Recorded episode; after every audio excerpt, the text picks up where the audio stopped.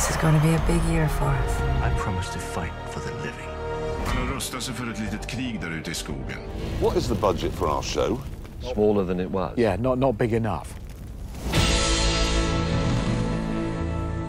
Hej och hjärtligt varmt välkomna igen till Streamingpodden avsnitt 39. Det är med mig Jonas Birmi och Magnus Svensson från Ivin Technology. Streamingpodden är en podcast för dig som är intresserad av streamingteknik och nyheter i det området. Och idag så är det huvudsakliga ämnet eh, cloud-migrering. Eh, men innan vi går in i det, Magnus, hur är det med dig? Det är jättebra. Det är jättebra. Det är full fart på allt möjligt. Tyvärr missade jag en, en mässa i London den här veckan men eh, annars så är det spännande dagar.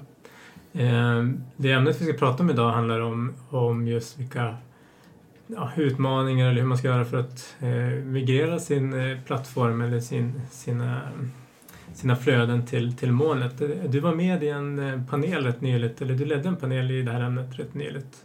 Jag har lett faktiskt två paneler relativt nyligt. Det var en för några månader sedan på Streaming East Connect och nu körde vi en, en liten variant av den på Streaming West, eh, Streaming Media West här så tillsammans med eh, lite olika branschmänniskor. I våra region så var väl framförallt Loke de Bonk med från TV2 i Danmark på Mm. den senaste. Så vi har fått med både folk från leverantörer och operatörer och distributörer i de här diskussionerna om migrering till molnet.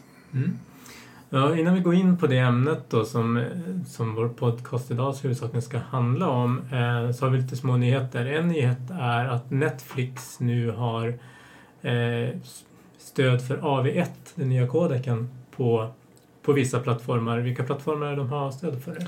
Det framgår inte exakt vilka plattformar men de har gått ut till vissa smart-tvs enligt deras eget utsago. Så att vi, vi kan väl gissa vilka det kan vara men att det, det kommer ju mer och mer av, de är ju faktiskt ganska duktiga på det och det är en intressant, vi kanske kan dela den artikeln i eh, våra podnotes men att de har ju lyckats få nu det få upp kvaliteten ganska högt och eh, de har till och med höjt, om man, den som känner till VMAF, deras mätverktyg för eh, kvalitet, som har en skala från 1 till 100 så har de lyckats lyfta det med 10 poängenheter utan att reducera buffer, eller reducera, utan att öka bitrate eller och sådana saker. Så att de har även fått upp, de ser att tittandet ökar på 4K-titlar också efter att de introducerade AV1.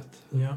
Vi, vet vi om det är mjukvarudekodning eller hårdvarudekodning? Jag skulle tro att det är hårdvarudekodning men Mm. jag tror inte det framgår heller av artikeln riktigt utan vi får nog eh, ringa våra vänner på Netflix och få lite mer detaljer kanske. Mm. Men Ja, men det är ju ganska stora intressant. framgångar, även Youtube har gjort det de senaste veckorna också. Så att Men det betyder att den, den börjar fin- finnas på chipset Mm. helt enkelt. det börjar finnas på chipset och jag tror att även att, att eh, de har fått ner, reducerat eh, processorkraft och sånt behovet också för att både koda och dekoda. Mm.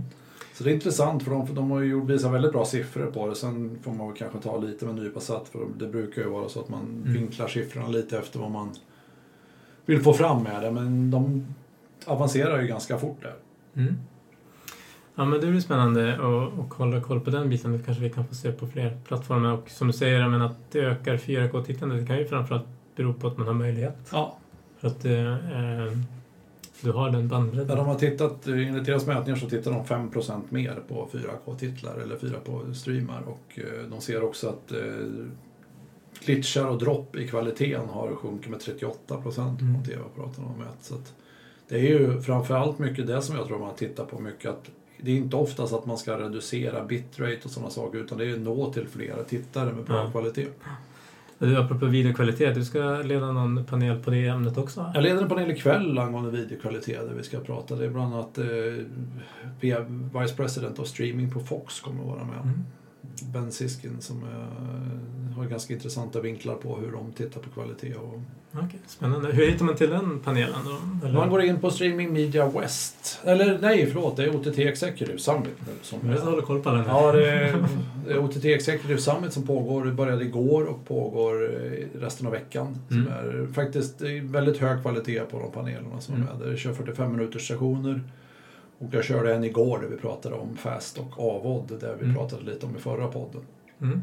Så vi hade med lite folk från Ruko och Cinedyne och flera. Så att det, var, det är hög kvalitet på OTT Executive Summit. Så, Ja, men det är ett bra tips att hålla koll på. ja. så ikväll är det kvalitet som gäller. Och sen har vi eh, version 10 av HLS-specen har, har eh, släppts. Mm. Och eh, vad kan man väl säga där? Det är väl många små saker men det huvudsakliga är väl att man har ändrat definitionen på, på eh, eh, den, hu- alltså den första spellistan man laddar ner spelaren som då innehåller alla mediaspellistor. Man kallar det för multivariant playlist eller multivariant playlist. Eh, tidigare hette Master Playlist om- folk känner igen det. Ja. Och eh, det är väl för att spegla mer vad det faktiskt kan innehålla för det är inte bara en lista på de olika ABR-stegarna utan det är även kanske olika varianter. Det kan vara eh, språk och Mm. allt sånt där. Ja, man ser ju framförallt i streamingen idag är ju väldigt mycket olika content i olika format, språk och eh, sådana saker. Så att det, det speglar ju mycket mer vad den faktiskt innehåller än vad Master gjorde. Mm.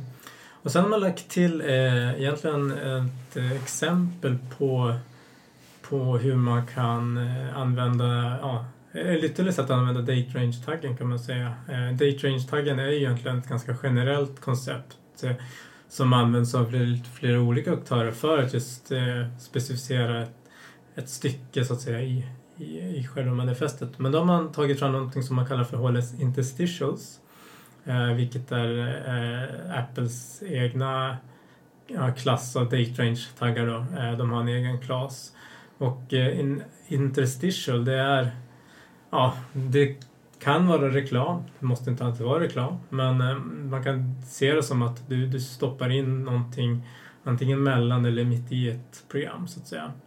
Och eh, med, den- med den här informationen så kan man eh, instruera spelaren att den ska köa upp och spela ett annat klipp eh, så att säga ovanpå det huvudsakliga klippet eller det huvudsakliga programmet.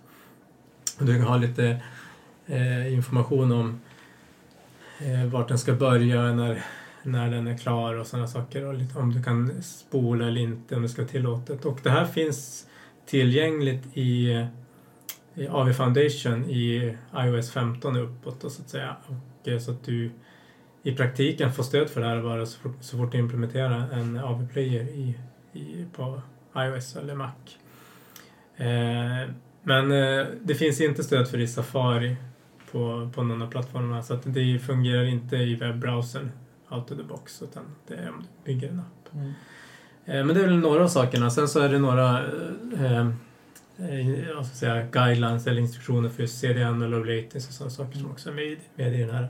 Det är mer appendix till specen, de sakerna. Det påverkar inte själva specen men, men det förtydligar kanske hur man ska använda vissa delar av Men specen. det intressanta nu de senaste åren är ju egentligen att, att eh, Apple och eh, gruppen som jobbar med det delar med sig av specen innan den släpps nu. Förr kom den ju bara när, och sen fick man ta det som var där i. Men nu har vi ju ett, ett industriforum som har chansen att påverka Mm. specen. Så att många av leverantörer och, och eh, browser vendors och sådana saker har ju redan sett de här förändringarna och Mm. till stor del redan implementerat det. Mm.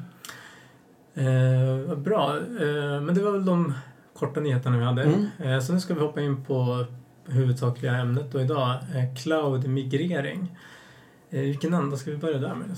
Jag vet inte riktigt. Det är ju, det är ju det är ett ganska vitt och brett ämne medan jag tror att många tänker inte på att det liksom är en, en relativt stor migrering som pågår Mm. på, i många olika fronter. Och tittar man på liksom videoflödet som vi jobbar med så är det ju man kan ju flytta över produktionsbitarna in i molnet vilket Mm. har kanske väldigt mycket accelererats av den senaste pandemin och Mm. att folk inte kunde vara på inspelningssajter och sådana saker innan.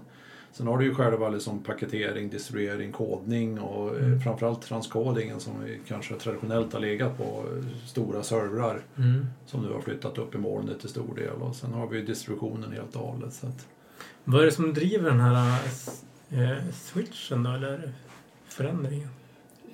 det är mycket att nu börjar det ju framförallt bli eh, kostnadseffektivt att göra det också. Och du betalar ju verkligen bara för ditt användande. Sen har det ju varit ganska relativt komplicerad eh, prisbild skulle jag säga. Men det är ju framförallt, du behöver inte ha personal, du behöver inte ha stora eh, datacenter och du har liksom du behöver inte sitta och uppgradera servrar och sådana saker utan du, du skalar upp enligt dina behov på ett mycket enklare sätt. Mm. Men ett argument har ju varit väldigt länge att det ändå har varit så mer ekonomiskt att ha eh, till exempel vid, transkodering till exempel att ha det på, på investerad hårdvara i en Mm. datorhall än att köra running cost i ett moln. Är det fortfarande så? Jag skulle säga att de flesta priserna börjar faktiskt gå ner nu så att nu kan nästan till och med live-transkodering eh, vara lönsamt i molnet. Baserat lite på hur mycket mängd och din, din storlek så att säga. Men det är väl egentligen den sista droppen om du kör 24-7 transkodering. Så Mm. Tror jag fortfarande inte du räknar hem att flytta upp det i molnet och flytta tillbaka det. För det är ju liksom transferkostnader in och ut ur Mm. molnet också. Så det beror ju lite på hur din situation ser ut i övrigt med vart har du din eh, så att säga, produktion och vart har du distributionen ifrån. Så Mm. Ligger allt det i molnet, ja då klart då har du inte så mycket transit in och utkostnader så att säga. Men det, vi pratade mycket om det på en av panelerna jag var med också som är ganska intressant. Det är som att det, det, det man hamnar mitt emellan som det faktiskt bara kan kosta ganska mycket när du har fortfarande Mm. ligger kvar med viss funktionalitet i ditt gamla datacenter och har flyttat då viss funktionalitet i molnet. Många börjar ju med att man, man avlastar med molnresurser, att man liksom har en, en, en fixed eh, pool av, av hårdvaruresurser för transkodering. Men vid pikar så kan du flytta upp saker i molnet. Men är det inte viktigt då att om man har en strategi, eller att man har en strategi att man ska gå över till molnet eh, så att den här dubbelbiten så att säga, eller dubbelkostnaden, att det är ändå en, ett, ett steg dit. Mm. Men, eh, men det är farligt om du stannar i det läget så Mm. att du helt enkelt betalar dubbelt i en period och sen är du kvar där. Så man måste hela tiden se det som en, en, en temporär Ja. fas så att säga. För det är ju, framförallt så är det ju att få ut saker ur molnet som är det dyra. Så att om du liksom skickar upp eh, videofiler, live-feeds upp i molnet och transkoderar, paketerar och distribuerar från ja, till exempel Cloudfront eller någon annan moln eh, CDN Mm. så är det inte relativt sett så mycket dyrare. Men börjar du liksom hämta det fram och tillbaka och ska tillbaka till en datacenter då kan det börja kosta. Så att Mm. jag tror det är som du säger, att ska man flytta vissa delar eller så bör man nästan ha en plan för hur man flyttar upp allting Mm. till slut. Men självklart, för som många kör ju att man ligger kvar med live och linjära bitarna i sitt datacenter och så börjar man att flytta VOD. Vilket är ett relativt separerat flöde oftast. Mm. Att man börjar liksom med någon del av sitt video. För att det skiljer ju en del vad det både kostnader och, och eh, hur migrering går till om du tittar på live linjärt eh, mot filbaserad VOD och sådana saker. Mm. Vad är de stora skillnaderna skulle du säga främst mellan VOD och live och linjer? Ja, du har ju liksom eh, realtidsaspekten som är den, den farliga där. Att liksom du, du har, du har liksom, det sker ju då, Mm. nu och då. VOD kan du egentligen lägga på och avlasta på vilken tid som helst kan du börja transkodera Mm. dina VOD där du kan köa upp det. Du kan lägga det på liksom spottinstanser i molnet och sådana här saker när det är billigare och sådana. Det kan du ju aldrig göra med live för det måste ju ske när det sker. Mm. Och du har ju en latency-risk tillbaka till om vi ska köra fram och tillbaka. Mm. Så att, eh, det är väl det som skiljer. Framförallt är det liksom själva realtidsbiten av det som är, ställer till både kostnader och, och komplexitet. Mm. Ehm, ja. Ehm, Cloud-migrering har ju kanske framförallt drivits av, av säga, ingenjörer eller teknik så att säga. Alltså Mm. Tekniska möjligheter. Att det, var in, att det är mer en eh, spännande, eller tekniskt intressant. Så Ja. att säga. Eh, men eh, hur ser det ut idag? Ja, det är, det är ju fortfarande väldigt mycket teknikdrivet. Nu börjar ju resten av industrin komma med in i själva migreringen och förstå både fördelar och nackdelar och konsekvenserna av det. Så att säga. Det, är mycket, det är fortfarande mycket diskussioner runt eh, innehållsrättigheter och när, vad är en utspelning, vad är en liveutspelning, vad är en virtuell liveutspelning och sådana saker. För att molnteknologin och, och framförallt streaming möjliggör ju så mycket intressantare use case men det Mm. gäller ju att, att eh, advokaterna och de som sitter och tittar på contenträttigheter hänger med i de diskussionerna. Så att jag tror att det är ganska viktigt som organisation att man, man inte bara låter teknik eller IT-avdelningen vara de som ser till att man flyttar upp i molnet. Mm. Men kommer det inte in aspekter också så här rent eh, vad det kommer, kommer till att kunna skydda innehållet då? Mm. Eh, Ja, du har ju de aspekterna också. Och Tittar man på vissa av, av eh, publicisterna så sitter ju de med, dels med GDPR som är ganska viktigt. Mm. Så att du måste se till vart, eh, vart innehållet hamnar. mm. Och sen har du ju även som eh, rättigheter och sådana saker. Och får du flytta det hit och dit och vart i molnet. Det är många sådana faktorer som kommer in Mm. också. Så att, och sen har du ju även ett, ett eh, way of working ändras ju väldigt mycket också vad det gäller. Liksom att eh, man, dels på kostnadssidan måste man ju vara väldigt försiktig så att det är lätt att starta saker i molnet utan man, Mm. att man ser kostnaden. Det är ju en annan sak. Har du köpt in hårdvara, ställt den i en, en, en serverhall och du har den kapaciteten du har så kan det på något vis inte kosta så mycket mer, mer än ström om, om möjligtvis. Men slå på fler instanser i molnet är ganska lätt att göra. Mm. Om, sen kommer räkningen surt efter. Så att, Mm. jag tror att många som har flyttat i molnet får en liten chock de första månaderna innan de eh, fine-tunar sin, sitt användande. Så det gäller ju att liksom utnyttja flexibiliteten på rätt sätt utan att dra på sig allt för stora kostnader. Mm.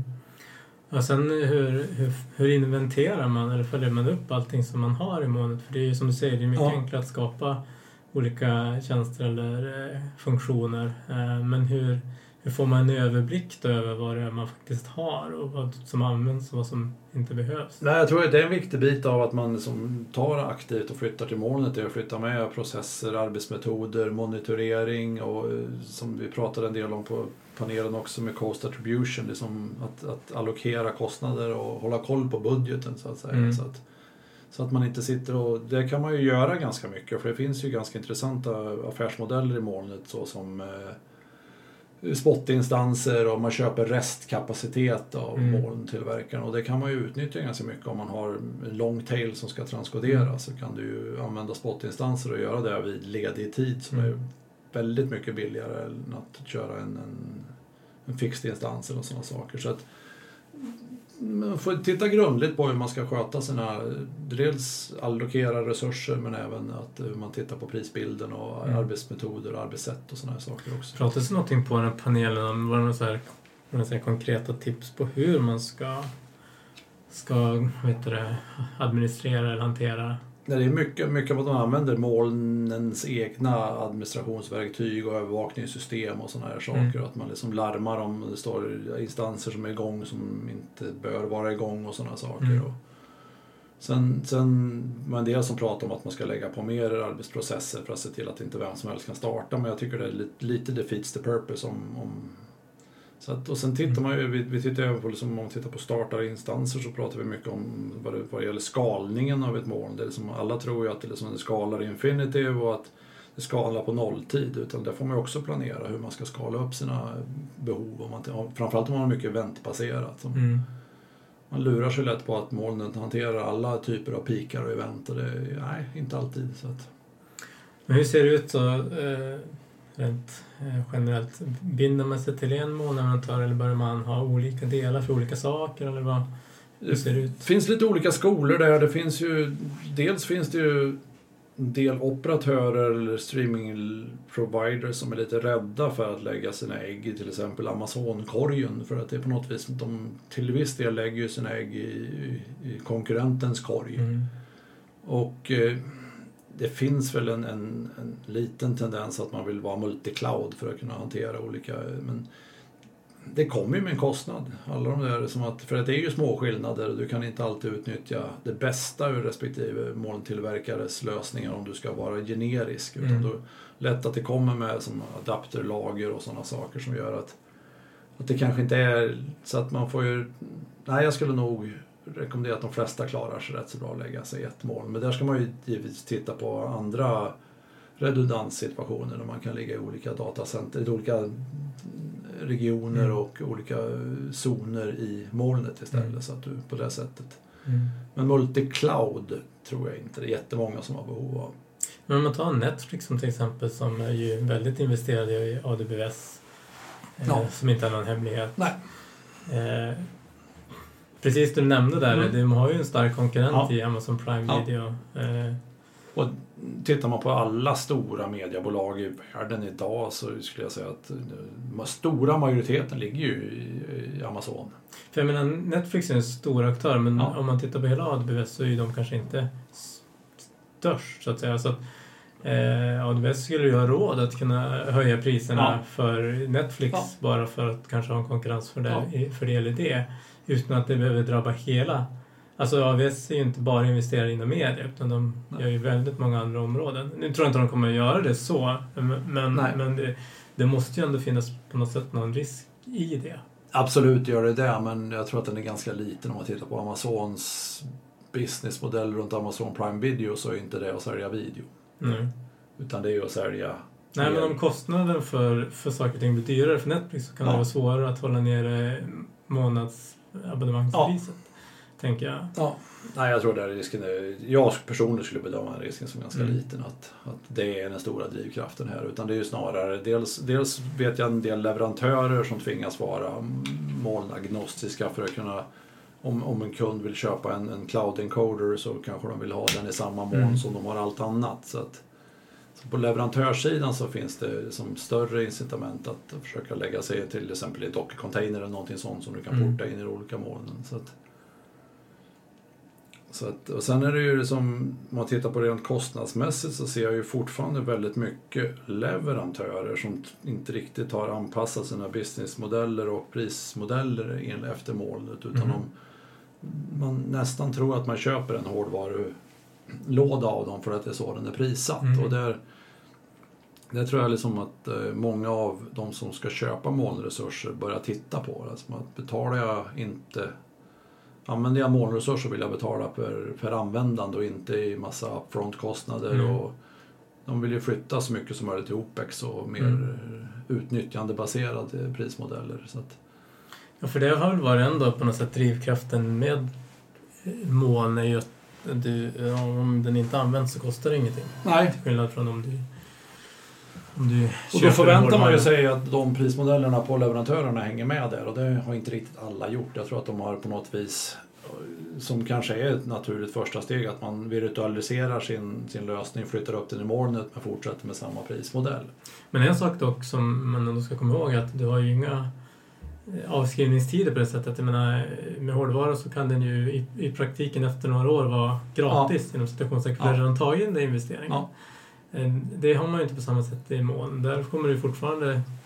Det Du kommer ju kommer aldrig bli fortfarande gratis. betala Mm. likadant men samtidigt så på något vis är du ju inbakat i din prislappen för att Mm. mm. datacentren som molntillverkarna driver kommer ju ha den kostnaden och utbyta hårdvara och hänga med i utvecklingen vad det gäller chipsets och Mm. GPU och alla de här bitarna. Så att du betalar ju på något vis för den tjänsten och du slipper Mm. ju ha IT-personal, du slipper ha lokalhyra, du slipper ha ventilation, ström, eh, maintenance och de bitarna. Så att, Ja, det det är väl en annan form av IT-personal Ja. man kanske behöver. Ja, du har en helt annan övervakningssituation men du har ju även möjligheten att, att effektivisera det hela också i och med att du kan faktiskt sitta hemma och styra det mesta som du kanske behövde ha personal on-site för. Mm, ja, eller du behöver inte ha eh, hårddiskar på lager Nej. och sådana saker. Och vi tittar med, jag pratar mycket med de som jobbar med produktion. De kan nu helt plötsligt producera fler event sittandes hemma i eh, kontoret hemma eller i garaget till och med. Mm. Och sen åka och hämta barnen på dagis. Där de förr kanske måste sitta i en OB-buss någonstans i världen och, och ratta ett event och bara kunde ratta det. Mm. Men eh, det måste finnas fortfarande några tekniska utmaningar med latency och stora eh, filer och sånt där. Eh, har tekniken kommit så långt nu så att det börjar vara ett överkomligt problem eller är det fortfarande Det struggle? finns fortfarande utmaningar i både latency och fil, stora filformat och sådana saker. Men vi ser ju en, en, framförallt att eh, content ingest-sidan har ju fått ett uppsving med SRT som börjar ta väldigt mycket Mm. fart. Fortfarande så är används ju 6 och eh, RIST till viss del men SRT börjar faktiskt Mm. ta bra fart. Och, så att ja, det finns fortfarande utmaningar och det är givetvis, du ska in i ett datacenter, du ska ut ur datacentret Mm. någon annanstans. Så att eh, det får man ju titta på om man kan liksom få ner latencyn och, och riskerna genom att eh, nu breder ju de här molnen ut sig ganska mycket så det finns ju oftast ganska Mm. lokala lokala moln så att säga som ligger närmare till, till hands. Men det är Mm. fortfarande utmaningar givetvis att hantera stora videomängder. Och, Mm. men det är, det är ju främst på produktionssidan det är de stora filerna som, som hanteras. Mm. Hur ser det ut med säkerhet? Jag ställde, den frågan, ja. jag ställde den frågan faktiskt och samtliga på de panelerna jag har varit med på säger ju att säkerheten är mycket, mycket bättre än du någonsin kan ha i ditt eget datacenter. För liksom, Mm. de här molntillverkarna de vet vad de gör och de kommer Mm. aldrig kunna liksom öppna upp några säkerhetshål för då skulle de ha stora problem själva. Så att, i, samtliga jag pratade med där kände jag att säkerheten var markant mycket bättre än vad du själv kan uppnå i ett datahall om du inte jobbar väldigt mycket med säkerheten där. Mm. Så det är i regel säkrare? Det är i regel mycket säkrare och framförallt så ser du oftast till att alla säkerhetspatchar, alla sådana patchar ligger på som omedelbart utan du behöver inte ha någon maintenance-gubbe som går runt och lägger på säkerhetspatchar och sådana saker. Så att, Men eh, du har ju ändå där att trafik ska in och ut i den här datahallen. ja, Eh, men kan, det hade du i din egen datahall också. Så att, mm. eh, alla var väldigt överens om att säkerheten var så pass mycket bättre i molnen än vad de kan ha på en egen- datahall. Så att, Mm. Ja, men det, det gäller väl även själva lagringen av Ja. innehållet också. Ehm, ja, men bra. Är det någonting mer som togs upp på den här panelen som... Ja, det som är intressant är ju att, att vi tittar ju mycket på att det är ju när man väl kommer till molnen och till de virtuella miljöerna och online streaming som vi faktiskt börjar se intressantare features men även ökad kvalitet såsom 4K och HDR och de här bitarna. För att eh, du behöver inte investera i ny hårdvara för att gå över till de arbetsflödena som du kanske behövde göra med en SD och HD. Mm. Så Men- det, man ser ju att 4K och HDR faktiskt tar fart mer när man tittar på molnmiljön och streamingen än vad det kommer göra på traditionell broadcast. Mm. Kan det också hjälpa innovation och sånt där? Att du kan experiment- experimentera och prova dig fram? Absolut, det är mycket lättare att starta upp en liten testmiljö någonstans och eh, sätta upp några egna instanser som Mm. är separerade och prova det fram. Och det finns ju mer möjligheter att till exempel ha en mer redundans vad det gäller leverantörer. Du kan ju ha flera encoders igång som du kan välja mellan. Relativt enkelt för de ligger i Mm. molnet och används, kostar bara när de används. Sådana saker. Så att innovationer och flexibiliteten ökar ju markant. Men när passar det att inte flytta saker till molnet? Ja, det är ju fortfarande vissa bitar runt eh, produktionen. Du har ju fortfarande tidiga skedet med kameror och sådana saker kommer ju inte kunna finnas i molnet. Så att ju närmare du kommer själva kameran och de bitarna så eh, svårare blir det. Men det är egentligen i princip det enda jag skulle säga. Mm. Sen har du ju ganska bra lösningar med, med eh, sån här eh, cloud production och virtual production möjligheter. Men den fysiska kameran måste ju fortfarande stå någonstans. Mm. Om man nu skulle vara i det skedet att man står och funderar på eller man, man tänker hur, okej jag vill jag vill migrera över till molnet eh, live eller vodflöde eller vad det må Mm. vara. Vad, vad är dina tips på hur man ska gå tillväga? Var- Vart börjar man? Utgå från situationen man sitter i. Jag, jag tror inte det finns en one size fits all här utan man måste titta på liksom, vad, är, vad är dina liksom, arbets... Vad är din nuvarande situation? Vad är dina nuvarande businessmodeller och affärsmodeller och tjänster du, du levererar och titta på liksom, vad passar dig här. Så att, Mm. Och tänk igenom det som ett helt företag inte bara genom IT-avdelningen utan alla måste vara med på den här migrationen och eh, även att se över alla sina arbetsflöden och processer och metoder Mm. i samband med det och inte bara att det man ska inte bara flytta samma process in i molnet och tro att man har kommit utan du måste på något utnyttja det också. Mm. Så att eh, redan ge svar på frågan varför Ja, först. Varför ska vi Ja. flytta det till målet? Jo, det kanske är för att driva en ny affärsmodell. eller att- exakt. Och som att förstå den biten först. Då, som för att många har gjort, har jag sett fortfarande, att man tar nuvarande, man säger att man har transcoder on-prem så flyttar man upp i exakt samma sak i molnet utan att ändra någonting annat. Mm. Då har du bara bytt datahall Mm. och flyttat in i en annan datahall. Mm. Men om du inte utnyttjar möjligheten att faktiskt spinna upp och spinna ner och sådana Mm. saker, att du kanske inte betalar för hårdvaran när den inte används. Sådana saker. Mm. Du måste tänka igenom ditt behov. Nej men absolut, och det kan ju vara men om, om, du, om du har en... Säg att du ska ge dig in i fastmarknaden som Ja. jag pratade om tidigare. Eh, det kan ju vara en drivkraft att okej, då behöver vi se över Ja. hur, vi, hur vi skapar de här linjära kanalerna. Och det i sin tur kan molnet då vara mycket mer eh, anpassat för det. Men det påverkar ju andra processer runt omkring det också Mm. såklart. Eh, allt från kontraktuella saker med rättigheter men även till arbetsflödena och hur du, hur du jobbar med innehållet.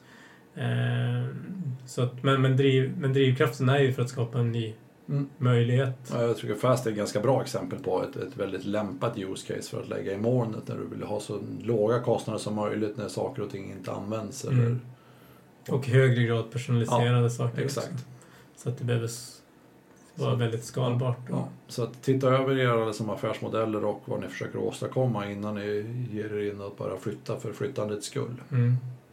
De som var med i den här panelen nu då, vad hade de tänkt rätt från början så eller var det mer teknikingenjörs... Eh, Ja, det var egentligen ganska enigt att det var liksom många hade liksom, det, Sen hade vi ju, dels hade vi med encoding.com i en av panelerna som faktiskt är, de är cloud native, de började där. Så Mm. de har ju aldrig flyttat så att säga in Nej, i just det. molnet. Utan, men de flesta som har flyttat har ju gjort de klassiska misstagen. Att Mm. kanske inte flytta allt på en gång eller sådana saker. Så att de, de learn the hard way. Så. Ja. Ja men bra, då, ni som lyssnar här nu slipper ju göra om det då. Ja, exakt. Ja, men jag rekommenderar att lyssna på de två panelerna. Mm. De ligger ut som video on demand nu också. Så Mm. vi kan kanske länka med dem också. Ja, ja, det får vi absolut lov att göra. Eh, bra. Då tänker jag att vi avrundar det ämnet Mm. med lite poddtips den här gången också. Det är två poddtips den här gången också. Den första är eh, faktiskt med en av paneldeltagarna som också har varit gäst på eh, The Video Insiders podd. Jag tror att jag tipsade om även dem förra gången faktiskt. Det är eh, Don Beamer-gänget som gör en podd.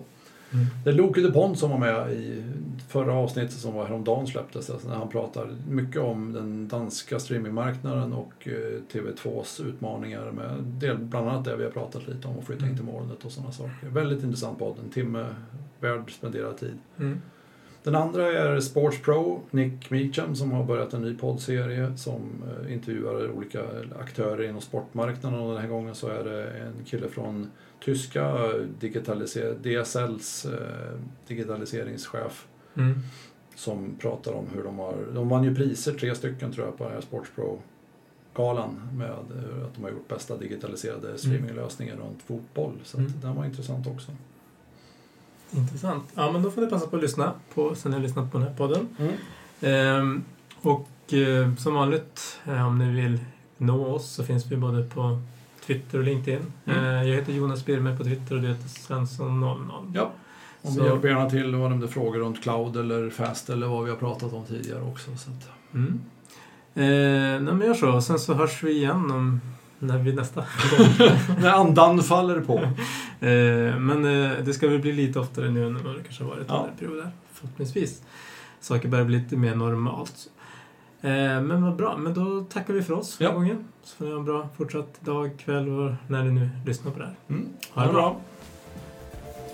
Ni har lyssnat på Streamingpodden. En podcast för dig som är intresserad av streamingteknik och nyheter i området. Programmet produceras av Ivin Technology, leverantörsoberoende specialister inom videoteknik och mediedistribution.